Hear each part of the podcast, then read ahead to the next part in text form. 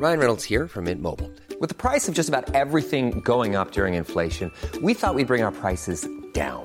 So to help us, we brought in a reverse auctioneer, which is apparently a thing. Mint Mobile unlimited premium wireless. Ready to get 30, 30, bit to get 30, bit to get 20, 20, 20, bit to get 20, 20, bit to get 15, 15, 15, 15 just 15 bucks a month. So, Give it a try at mintmobile.com slash switch. $45 upfront for three months plus taxes and fees. Promo for new customers for limited time. Unlimited more than 40 gigabytes per month. Slows. Full terms at mintmobile.com.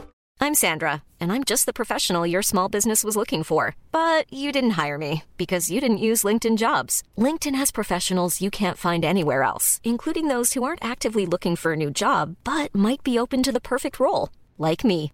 In a given month, over 70% of LinkedIn users don't visit other leading job sites. So if you're not looking on LinkedIn, you'll miss out on great candidates like Sandra. Start hiring professionals like a professional. Post your free job on linkedin.com/people today. Burrow is a furniture company known for timeless design and thoughtful construction and free shipping, and that extends to their outdoor collection. Their outdoor furniture is built to withstand the elements, featuring rust-proof stainless steel hardware, weather-ready teak, and quick-dry foam cushions. For Memorial Day, get 15% off your Burrow purchase at burrow.com slash ACAST and up to 25% off outdoor. That's up to 25% off outdoor furniture at burrow.com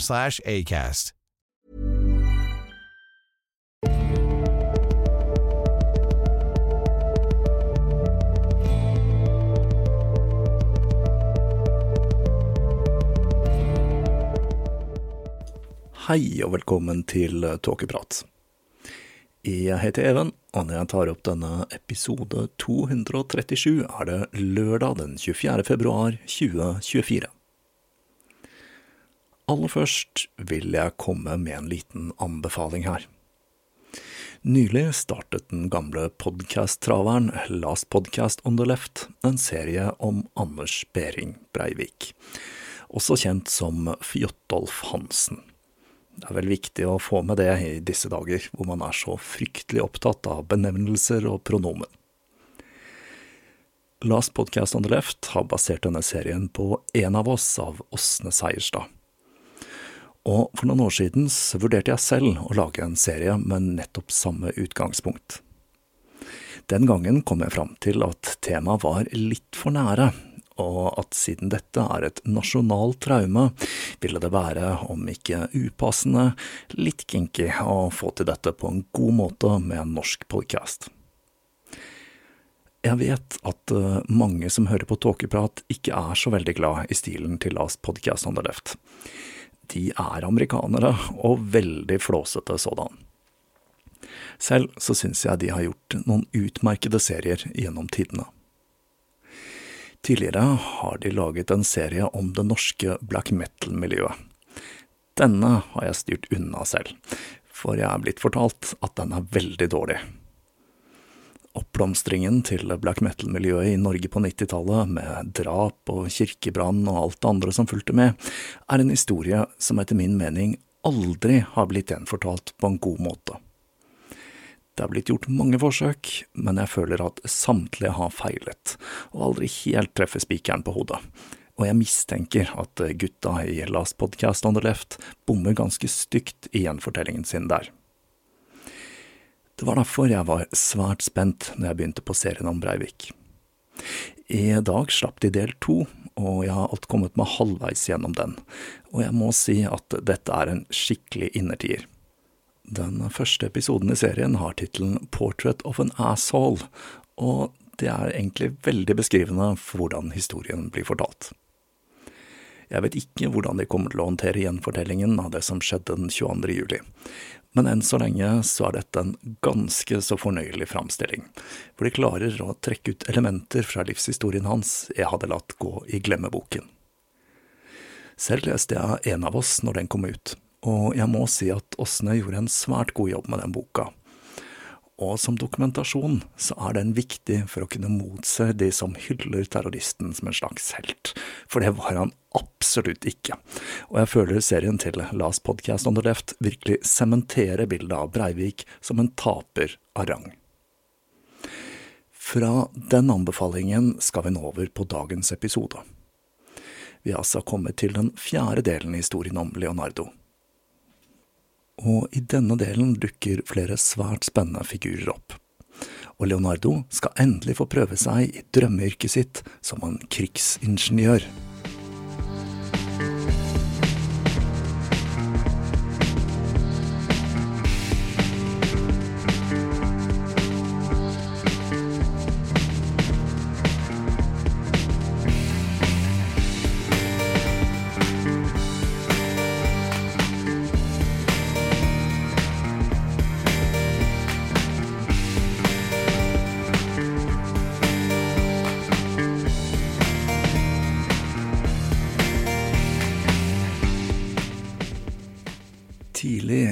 1500 bestemte Leonardo seg for å pakke sakene sine og sette kursen tilbake mot byen som hadde formet han som kunstner, Firenze. Det første stedet han stoppet på hjemveien var i Montova, hvor han tilbrakte tiden sammen med Isabelle de Este, søsteren til Ludovicos avdøde kone. Og hun kommer vi snart tilbake igjen til, for mens Leonardo var der, ba hun ham om å lage et portrett av henne og som takk for gjestfriheten tegnet han en krittegning av Isabella, med et vagt løfte om at han kunne lage et portrett siden, før han dro videre til Venezia. Venezianerne de var redde for en tyrkisk invasjon, og de spurte Leonardo om hjelp.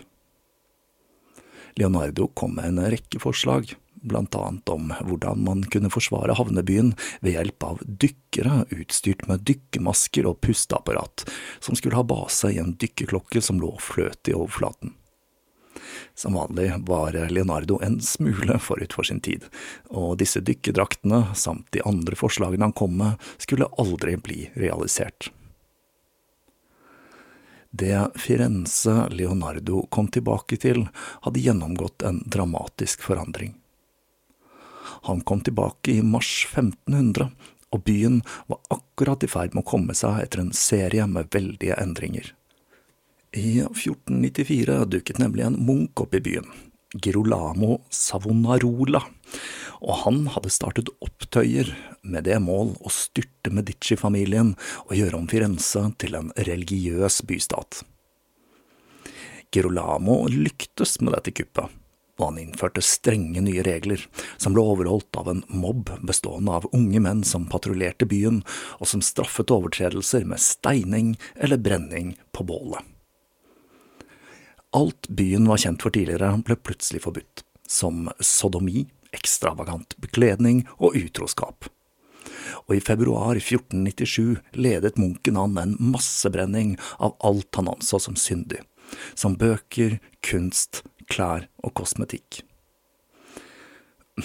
Men allerede året etter, i 1498, fikk folk nok, og Girolamo selv ble brent på bålet. Når Leonardo kom tilbake til byen to år senere, var ting mer som han var vant til, men Firenze hadde fått seg en skikkelig nesestyver. Byen hadde rett og slett ikke lenger den samme selvsikre troen på seg selv som renessansens hovedstad. Firenze skulle forbli basen til Leonardo fra 1500 til 1506, og dette var den mest produktive perioden hans, hvor han blant annet startet arbeidet med Mona Lisa. I hva som virker som et forsøk på å vise fingeren til den pietistiske munken som hadde overtatt hans kjære Firenze mens han var borte, begynte Leonardo å kle seg enda mer spektakulært i hva som må kunne beskrives som reneste kostymer i sateng og silke i skrikende farger. Han sørget også for å kle opp Salai, som nå var blitt 24 år. Og han brukte formidable summer på klær både til Salai og seg selv. Han var rett og slett en skikkelig fargeklatt som forsøkte å gjenopplive den kunstneriske ånden i byen så var det denne Isabella d'Este og portrettet hennes, da. For eh, det er en ganske artig historie som forteller en god del om Leonardo. Når han var på besøk hos henne, hadde han altså tegnet en skisse, og han hadde lovet at han skulle male portrettet hennes ved en senere anledning. Saken er den at eh, hun Isabella, hun var slett ikke noen hvem som helst. I 1500 var hun blitt 26 år gammel. Hun var datteren til hertugen av Ferrara og hennes mor kom fra Este-familien, som var en av de viktigste adelsfamiliene i Italia. Isabella hadde fått en ekstremt god utdannelse, og når hun ble giftet bort i 1491, var dette en storslagen affære. Hun ble fraktet med en flåte med mer enn 50 skip til Montova, hvor hun red gjennom gatene til tilropene til 17 000 tilskuere i en gullforgylt vogn. Dette var både en bortskjemt og sterk dame, men mannen hennes, han var heller veik. Han var ofte borte, og i en periode ble han holdt som gissel i tre år. Dette gjorde at Isabella tok styringen i Mantova, og i praksis var hun den faktiske herskeren i byen. Mannen likte ikke dette noe særlig, så han startet en affære med kona til Isabellas bror. Og det, kjære lyttere, var ingen ringere enn Lucrezia Borgia. Og nå snakker vi, dere. Dette var det tredje ekteskapet til Lucrezia. Den forrige mannen hennes hadde broren hennes, Cetsare, beordret kvalt mens Lucrezia sto og så på. Lucrezia Borgia er kjent som en av historiens mest ondskapsfulle kvinner. Og for noen få år siden så gikk jeg inn i historien om henne og leste meg gjennom historien til Borgia-familien. Slik jeg husker den, det er som sagt noen år siden, så ble Lucrezia brukt som en slags kasteball i det politiske maktspillet i Italia på den tiden. Og det var ikke så mye hennes feil at disse ektemennene døde i øst og vest, som det var familien som sto bak. Så den gangen kom jeg fram til at det er en historie jeg skal la få lov å ligge og modne en stund. Men det er for så vidt en spennende historie i seg selv. Men det er litt av en floke av intriger å nøste opp i.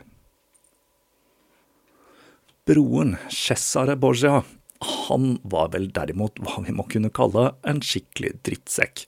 Og han, kjære lyttere, skal vi snart få vite litt mer om, for livshistorien hans krysser den til Leonardo.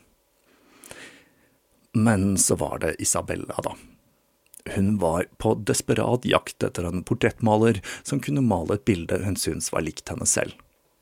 Hun mente nemlig at alle som hadde forsøkt, hadde fått henne til å se tjukk ut. Det portrettet hun var mest fornøyd med, det hadde hun sendt til Ludovico som gave, med et brev der hun beklaget at portrettet ikke var bedre, og at det fikk henne til å se tjukkere ut enn hun egentlig var. Ludovico han klarte å svare med å skrive at han syntes portrettet lignet henne på en prikk, noe neppe Isabella satte så stor pris på. Hun hadde hørt om talentet til Leonardo og hun skrev et brev til Cecilia Gallerani, altså Ludvicos elskerinne som ble portrettert på Damen med hermelinen, og spurte om hun kunne få låne portrettet for å se på kvaliteten. Cecilia sendte portrettet med bud til Isabella, som så at dette virkelig var i en klasse for seg selv, og hun bestemte at hun ville ha Leonardo til å male henne også. På skissen Leonardo lagde av Isabella, kan vi se at hun fikk ham til å tegne henne i profil, noe som var standard på portretter av adelige på den tiden. Men som vi har sett, var ikke Leonardo spesielt glad i denne stilen. Han foretrakk å male portrettene sine i delprofil for å få fram følelser og bevegelse i bildene sine. Men Isabella, hun insisterte på å bli malt i denne klassiske stilen, og det kan hende at det var nettopp det som gjorde at Leonardo var unnvikende til de mange forespørslene han fikk om å male portrettet hennes. Isabella på sin side startet en full kampanje for å realisere denne portrettdrømmen, og i 1501 skrev hun et brev direkte til Leonardo, som han valgte å ikke svare på. Dette pågikk fram til 1506 hvor Isabella personlig dro til Firenze på jakt etter Leonardo. Men han var ikke å finne, for han hadde dratt ut på landet for å studere fugler.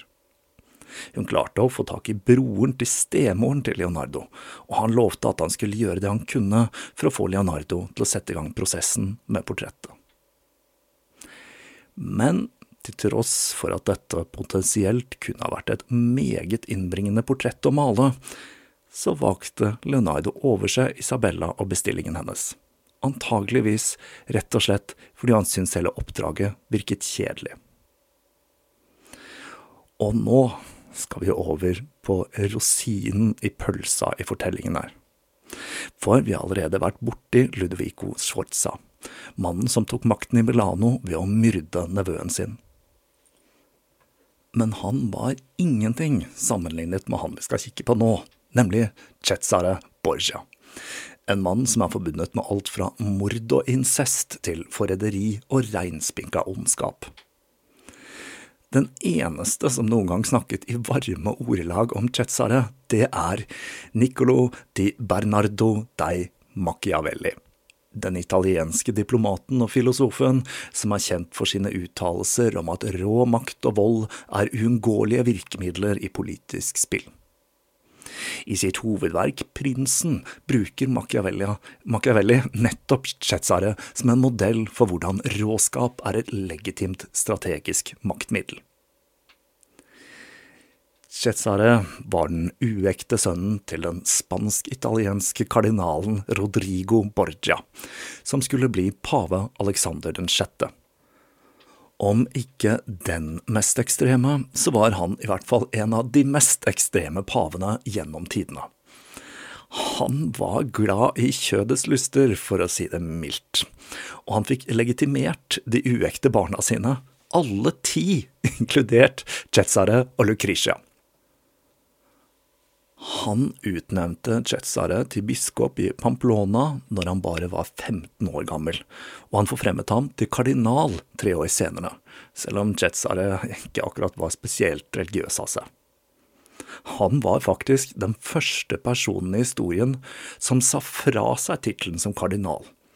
Og siden han var mer glad i krig enn religion, fikk han broren sin drept, så han kunne overta stillingen hans som øverstkommanderende for pavens hær. Han slo seg sammen med Ludvig den 12., og sammen marsjerte de inn i Milano i 1499. Noe av det første han gjorde der, var å se på Leonardos framstilling av nattverden, og stifte et bekjentskap med mesteren selv, som villig fortalte om sine planer om å bygge fantastiske krigsmaskiner. Planen til Cesare var å underlegge seg alle områdene fra Firenze til Adriaterhavet. Disse områdene var egentlig underlagt hans far paven, men i praksis var disse områdene styrt av lokale krigsherrer. Chetsare var en effektiv hærfører, det skal han ha. For alt i mai 1501 hadde han tatt seks byer, og han begynte å sikte seg inn på Firenze. Firenze hadde ikke et forsvar som ville gjøre det mulig å forsvare seg mot den blodtørstige Cesare, og de kapitulerte og slapp unna å bli erobret mot å betale beskyttelsespenger, hele 36 000 floriner. Men pengene strakk bare så langt, for i juni 1502 var Cesare tilbake og hæren hans begynte å plundre forstedene til Firenze, mens han sendte et sendebud med en beskjed om at de skulle sende ambassadører som kunne framforhandle en ny avtale. To personer ble valgt ut til denne oppgaven, og det var Francesco Soderini, som var en av de religiøse lederne i byen, som sto i spissen for byens anti-Medici-bevegelse, og den andre var en av historiens mest kjente diplomater, ingen ringere enn selveste Niccolo Machiavelli. Machiavelli beundret altså Borgia, og han skrev at han hadde evnen til å flytte inn i en fremmeds hus lenge før de forsto hva som hadde skjedd. En av betingelsene til Cesare var at Firenze måtte stille til disposisjon sin mest kjente kunstner og ingeniør, Leonardo da Vinci. Og slik gikk det til at dette litt underlige samarbeidet mellom renessansens mest kjente universalgeni og en av de mest brutale krigsherrene i samtiden startet. Som vi har sett, så var det vanskelig å få Leonardo til å gjøre noe han ikke ville. Og vi kan gå ut ifra at Leonardo sluttet seg til Borgia fordi han selv syntes ideen var spennende. Kanskje så han på dette som en mulighet til endelig å virkelig få testet ut sine mange krigsrelaterte oppfinnelser. I pakklisten med ting han tok med seg når han sluttet seg til Borgia, finner vi blant annet en oppfinnelse som rett og slett må kunne beskrives som en slags tidlig svømmevest. Dette dreier seg om en frakk som kunne blåses opp, slik at man ikke drukner når man faller i vannet. Han regnet kanskje med at denne ville bli nyttig dersom han skulle havne i et sjøslag. Jetsare og hæren hans var stasjonert i Urbino. På vei dit dro Leonardo innom byene Jetsare hadde underlagt seg for å se på forsvarsverkene de hadde. Han brukte også denne turen på å studere landskapet i Apenninne, noe som senere skulle inspirere ham når han malte Mona Lisa. I tillegg studerte han topografi, broer og tidevannet. Som vanlig var Leonardo interessert i det aller meste. I 1502 kom han til Urbino, og noe av det første han gjorde, var å tegne tre skisser av Cesare. På tegningene fremstår han som skjeggete, arrete og sliten. Jetsare hadde nemlig den gamle tåkepratklassikeren syfilis, og det kan være at det var arr etter denne sykdommen vi ser. Det gjorde at han ikke lenger var den kjekkeste mannen i Italia som han hadde blitt kalt til. I'm Sandra, and I'm just the professional your small business was looking for. But you didn't hire me because you didn't use LinkedIn jobs. LinkedIn has professionals you can't find anywhere else, including those who aren't actively looking for a new job but might be open to the perfect role like me. In a given month, over 70% of LinkedIn users don't visit other leading job sites. So if you're not looking on LinkedIn, you'll miss out on great candidates like Sandra. Start hiring professionals like a professional. Post your free job on linkedin.com/people today. Everyone knows therapy is great for solving problems, but getting therapy has its own problems too, like finding the right therapist, fitting into their schedule, and of course, the cost. Well, BetterHelp can solve those problems. It's totally online and built around your schedule. It's surprisingly affordable, too. Connect with a credentialed therapist by phone, video, or online chat, all from the comfort of your home. Visit betterhelp.com to learn more and save 10% on your first month. That's BetterHelp H E L P. Her tenker jo jeg at eh, denne syfilisen kanskje var med på å gjøre noe med psyken til Chetsar også. Hvem vet? Det kan også tenkes at tingenes tilstand tinget Jetsare. For eh, Ludvig 12. vurderte å skifte allianse fra Borgia-familien og over til Firenze. Like etter Leonardo kom, kledde Cesare seg ut som en vanlig ridder og red til Ludvig sammen med tre hjelpere for å sikre seg fortsatt støtte, og det klarte han. Før han dro, sørget han for at Leonardo fikk en passerseddel der det sto at han var en arkitekt og ingeniør som hadde fri passasje på alle områder kontrollert av Borgia-familien, og han hadde fritt lærde til å inspisere alle militære installasjoner. I tillegg sto det at han og alle hans medhjelpere slapp å betale skatt.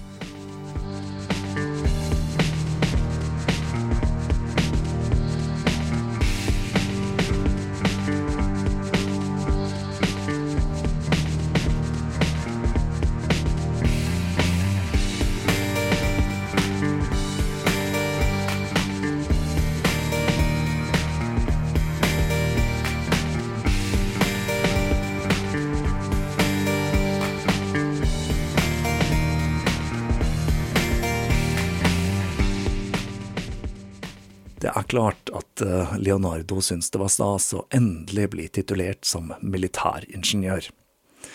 Jetsare kom tilbake fra forhandlinger i september, og sammen med hæren reiste han og Leonardo østover, hvor de tok byen Fossembrom med en blanding av lureri og overraskelsesmoment. Dette var Leonardos første møte med ekte krigføring og han noterte seg at det ville være lurt å bygge festningsmurer kurvet framfor rette. På den måten vil du kunne motstå kanonkuler bedre, slo han fast. Hæren fortsatte mot Adriaterhavet, og i havnebyen Cesanatico begynte han å tegne planer for hvordan byens demninger kunne beskyttes mot artilleri. Han tegnet også en plan for hvordan man kunne lage en kanal fra havnen og 16 km til Cesena, byen Cesare hadde gjort til hovedstaten i sitt nyerobrede rike. Høsten 1502 flyttet han hovedkvarteret sitt til Imola, en festningsby fem mil fra Cesena. Dette var en tungt befestet, men liten by. Den var omgitt av en vollgrav, og den eneste veien inn i byen gikk over to vindebroer. Planen var å få Leonardo til å gjøre dette allerede sikrede festningsverket helt uinntagelig for fiendtlige styrker. Machiavelli kom også til Imola den høsten, og disse tre forholdsvis fargerike karakterene skulle tilbringe vinteren 1502–03 bak murene til festningsbyen. Det var i løpet av denne perioden Leonardo skulle komme med sitt største og mest nyttige bidrag til krigføring, og det var slett ikke en kjempearmbrøst eller en hestetrukket vogn med roterende blader. Det var noe vi tar som ganske selvsagt i dag, det var nemlig kart. Dette var snakk om detaljerte kart, hvor Leonardo hadde brukt dette odometeret sitt til å måle opp og lage et nøyaktig strategisk kart over området. I kartet over Imola kan man se byen fra et fugleperspektiv, noe som var uvanlig på den tiden, og himmelretningene var tegnet inn. Dette kartet, og andre Leonardo tegnet i denne perioden, var nok det viktigste verktøyet han lagde til Cesare, som brukte brutale overraskelsesangrep som hovedstrategi. Og det var først med Leonardo at man i Vesten fikk detaljerte og pålitelige kart som kunne brukes i krigføring. Det er nok en av oppfinnelsene til Leonardo som er gått litt i glemmeboken blant alle de mer fantasifulle konstruksjonene hans. Leonardo på sin side begynte å tvile på om krig faktisk var noe for ham. Nå hadde han for første gang sett krigens brutaliteter, og mannen han jobbet for var en av de mest brutale av dem alle. I desember 1502 hadde han sett Chetzare i action på sitt aller mest utspekulerte. Den vinteren hadde han satt en av sine nærmeste underordnede, Ramiro di Lorca, til å tyrannisere lokalbefolkningen rundt Cesena på det mest bestialske vis for å spre frykt og for å sørge for at de underkastet seg. Når Cesare mente befolkningen hadde blitt skremt nok, fikk han Ramiro kuttet i to og kroppen hengt opp, slik at alle kunne se at han egentlig var den snille, og for å vise at han syntes Ramiro hadde gått for langt. Dette trikset virket, og det var noe som imponerte Machiavelli. Men selv han begynte etter hvert å bli litt blek om nebbet når han så metodene til Cesare. Når befolkningen i kystbyen Senegalia gjorde opprør mot tsjetsjere, lovte han dem fritt leide om de satte seg ned ved forhandlingsbordet. De takket ja til tilbudet, men når de kom til forhandlingene, sørget tsjetsjere for å få hver eneste mann kvalt til døde før han beordret hæren til å plyndre og voldta seg gjennom byen. En av de som ble kvalt den dagen, var Vitelloso Vitelli, som var en nær venn av Leonardo, og det gjorde at han begynte å ta mer avstand fra metodene til Cesare. Våren 1503 hadde han fått nok. Den fargesprakende maleren og finneren som var dyrevenn og vegetarianer, hadde fantasert om å være en militær ingeniør. Det hadde han nå fått oppleve, men med det hadde han oppdaget at krigens realiteter var langt mer brutale enn de barnslige fantasiene han hadde hatt, og han vendte tilbake til Firenze, hvor han fortsatte arbeidet som kunstner. I oktober 1503 ble Leonardo leid inn til å lage et bestillingsverk som kunne ha blitt et av de viktigste i karrieren hans. Leonardo ble hyret inn til å male den ene veggen i kansleriet i Firenze, og motivet de ville han skulle male, var en scene fra slaget om Agirari, som var et av de få slagene der Firenze hadde utmerket seg militært. I arbeidet med dette verket, som, her kommer en spoiler, han ikke klarte å fullføre, skulle han jobbe i konkurranse med en ny rival. Den da 28 år gamle Michelangelo, som fikk i oppdrag å male en annen vegg i kansleriet. Leonardo hadde nå sett krig på nært hold, og han hadde blandede følelser. På den ene siden var lidenskapen som drev kriger trollbindende, men han hadde sett Cetzares grusomme og brutale taktikk på slagmarken, noe som fikk han til å omtale krig som den mest bestialske galskap i notatbøkene sine. Leonardo fikk et eget verksted i klosteret Santa Maria Novella, som var stort nok til at han kunne begynne å skissere det enorme maleriet. Sekretæren til Machiavelli ble hyret inn til å lese en detaljert beskrivelse av slaget for mesteren, Leonardo lyttet villig til beskrivelsen og gjorde seg notater. Men når han var ferdig med å lese, ga han blaffen i det han var blitt fortalt, og bestemte seg heller for å fokusere på noen få enkeltpersoner i slaget. Leonardo var som vanlig spesielt opptatt av bevegelse, og han var veldig opptatt av å få frem farger i lys, støv og røyk. I notatbøkene skrev han fascinert at dersom han viser en rytter som har falt av hesten, må det synes hvor kroppen har blitt dratt gjennom den blodige sølen. Det er også viktig å få fram soldatens følelse av panikk og hjelpeløshet, og smerten hans kamerater føler når de ser ham på den måten. De døde må være dekket av støv, og det er en rød myr der blodet til de falne har blandet seg med sølet. Leonardo begynte å tegne en serie med skisser av slaget, men som vanlig så tok det ikke så lang tid før han begynte å spore av, og igjen var det hestene som tok mesteparten av oppmerksomheten hans. Han begynte å tegne hvordan hester kan uttrykke menneskelige følelser, og han begynte å begrave seg i det temaet. Det at Leonardo brukte så skrekkelig lang tid på forberedelsene sine, gjorde at kansleriet begynte å bli bekymret. De hadde helst sett at han brukte tiden på å male, ikke på å studere hester. Det førte til litt krangel rundt betalingen. Leonardo fikk en fast månedslønn, men en måned han skulle gå og hente lønna si, insisterte mannen bak skranken på at han måtte ta den imot i form av småmynter på ordre fra kansleriet. Leonardo nektet å ta imot mynten, og lånte heller penger av vennene sine for å tilbakebetale det han hadde fått så langt, og med det frasi seg oppdraget. Det lot ikke kansleriet ham gjøre, og i 1504 skrev han under på en ny kontrakt der han forpliktet seg til å bli ferdig innen 1505. Dersom han ikke klarte dette, måtte han tilbakebetale alt han hadde fått, og frasi seg retten til arbeidet. Kontrakt eller ikke, Leonardo han forble like susete han, og februar 1505 kom og gikk uten at han var i nærheten av å bli ferdig. En av utfordringene var den samme som han hadde når han malte Nattverden. Han ville ikke bruke tradisjonelle teknikker når han malte veggmaleri men han forsøkte seg heller med litt eksperimentelle metoder, noe som gjorde det vanskelig å få malingen til å feste seg skikkelig. Sommeren 1505 var det i tillegg et forferdelig uvær som nesten ødela alt han hadde gjort fram til da. På toppen av det hele fant han det enervrerende at et nytt stjerneskudd på Firenzes kunsthimmel kikket ham over skulderen. Når Leonardo hadde lagt i vei til Milano i 1482, var Michelangelo kun sju år gammel. I løpet av de 17 årene Leonardo hadde vært i Milano, hadde han blitt den heiteste kunstneren i byen. Han hadde blitt favoritten til Medici-familien, og i 1496 hadde han dratt til Roma, hvor han hugget en skulptur av Maria som sørger over den døde Kristus. På 1500-tallet befant altså begge disse kunstnerne seg i Firenze. Michelangelo, som på den tiden var 25, og Leonardo, som var 48. De to var svært forskjellige. Leonardo var jo svært så omgjengelig og godt likt.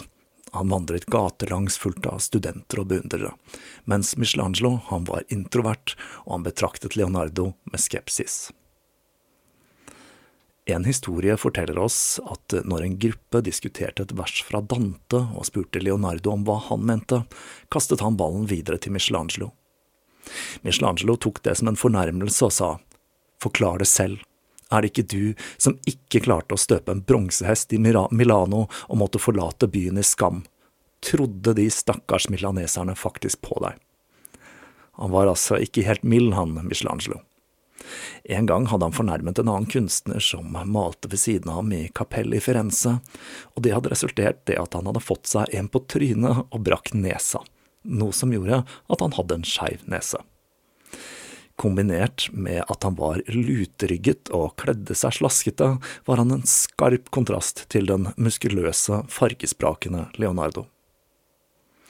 Leonardo brydde seg lite om religion, og var som sagt tidligere på grensen til hva vi kan kalle ateist.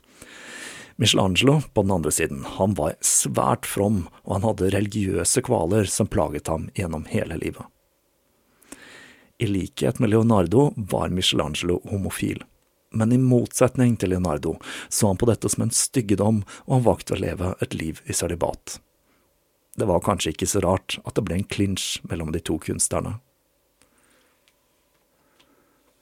Det første Michelangelo hadde gjort når han kom tilbake til Firenze, var å gyve løs på en statue av David, som i David og Goliat, altså. I motsetning til Leonardo, som gjerne hadde tilskuere når han arbeidet, gjorde Michelangelo arbeidet sitt i den dypeste hemmelighet. Og i 1504 hadde han produsert hva som kanskje er verdens mest kjente statue. Lederne i byen kranglet om hvor dette mesterverket skulle plasseres.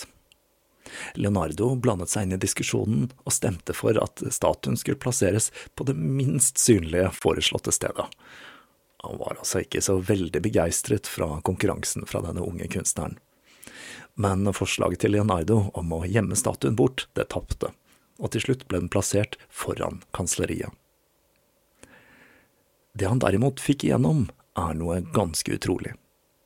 Leonardo bemerket at statuen var splitter naken, og at den burde dekkes til siden den skulle stå i et offentlig rom, og det førte til at kjønnsorganet til David ble dekket av et forgylt blad som skulle dekke tissen til David de neste 40 årene. Og det er jo litt spesielt, siden det kom fra mannen som tidligere hadde sagt at penis burde vises fram og hylles. Michelangelo hadde fått i oppdrag å male den andre veggen i kansleriet. Og motivet han skulle male, var en scene fra slaget om Tsjetsjina i 1364, og scenen han valgte, det er en vi faktisk har snakket om tidligere her i Tåkeprat. Det er scenen der de franske soldatene blir tatt på senga og de blir angrepet mens de bader i Arno-elven. Dette ga Michelangelo muligheten til å male en haug med nakne, våte menn, og det var et tema han var veldig glad i. Leonardo hadde ikke for vane å kritisere andre malere, men han hakket stadig på Michelangelo.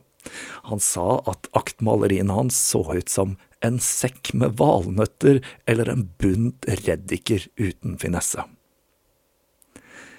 Våren 1505 ble Michelangelo kalt til Roma av paven, og da fikk Leonardo litt fart på seg. Han så ut til å kunne bli ferdig med maleriet. Men dessverre så hadde Michelangelo begynt å krangle med paven, og han kom tilbake til Firenze i 1506. Og det var til stor irritasjon for Leonardo, som fremdeles slet med å få malingen til å feste seg skikkelig til veggen. Enden på visa ble at ingen av de to klarte å fullføre maleriene sine. Leonardo skulle til slutt dra tilbake til Milano, og Michelangelo han dro til Roma for å be paven om unnskyldning. Når han var der, fikk han i oppdrag å male taket i Det sixtinske kapell. Det er flere grunner til at Leonardo valgte å gi opp maleriet. Det ene var jo rett og slett det tekniske, det med å få malingen til å sitte. Men det var også en annen ting. Han innså at han aldri ville klare å få perspektiv og lys riktig, så om han skulle fullføre maleriet, ville det ikke bli perfekt, og for Leonardo var det ingen vits i å fullføre et verk dersom det ikke ble perfekt. Han fikk til og med installert fire vinduer i hallen han malte i, i håp om at mer lys kunne gjøre det bedre. Men til syvende og sist kom han altså fram til at dette var et verk det ikke var vits i å fullføre. Til tross for Leonardos krasse selvkritikk ble de to uferdige maleriene et reisemål for aspirerende kunstnere i samtiden. De var mulig å besøke helt fram til 1512, og blant annet Rafael dro for å se på disse mesterverkene. Disse to maleriene startet en ny bølge i kunstverdenen. Tidligere hadde de færreste kunstnere i det hele tatt tatt seg bryet med å signere verkene sine, og kunst ble sett på som et rent håndverksyrke, men det var i ferd med å forandre seg. Nå begynte man å se på den enkelte kunstners stil og særegenheter, og store kunstnere ble stjerner som forsøkte å overgå hverandre ved å skape kunstverk som ville sementere dem som genier for all ettertid.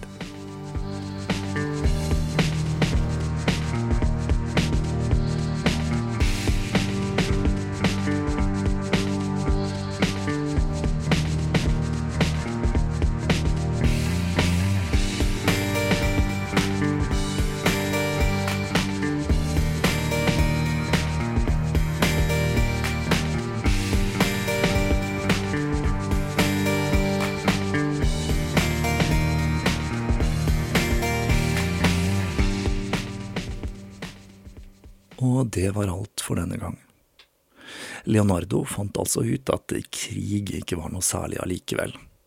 Og jeg må si at denne evnen han hadde til ikke å fullføre ting, og hans nærmest endeløse evne til å prokrastinere, er noe som får han til å fremstå som veldig menneskelig. Hvordan gikk den strofen igjen? Ekte genier jobber best når de gjør minst. Med episode fire i boks så nærmer vi oss slutten på fortellingen om Leonardo. Jeg er ærlig talt litt usikker på om jeg skal satse på én eller to episoder til. Jeg får rett og slett se hvor historien fører meg. Enn så lenge vil jeg som vanlig takke alle som støtter Tåkeprat på Patrion eller på andre måter. Og jeg vil oppfordre deg som hører på, til å gi Tåkeprat en god rating der du hører podkaster, og ikke minst tips en venn. Vi høres igjen om ikke lenge.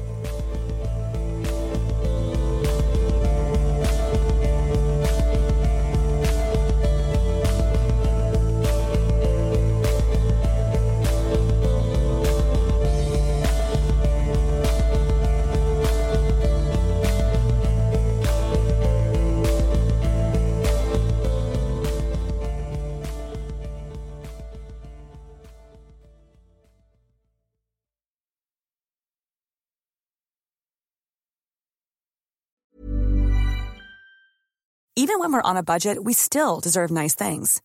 Quince is a place to scoop up stunning high-end goods for 50 to 80% less than similar brands. They have buttery soft cashmere sweaters starting at $50, luxurious Italian leather bags, and so much more. Plus, Quince only works with factories that use safe, ethical, and responsible manufacturing. Get the high-end goods you'll love without the high price tag with Quince. Go to quince.com/style for free shipping and 365-day returns.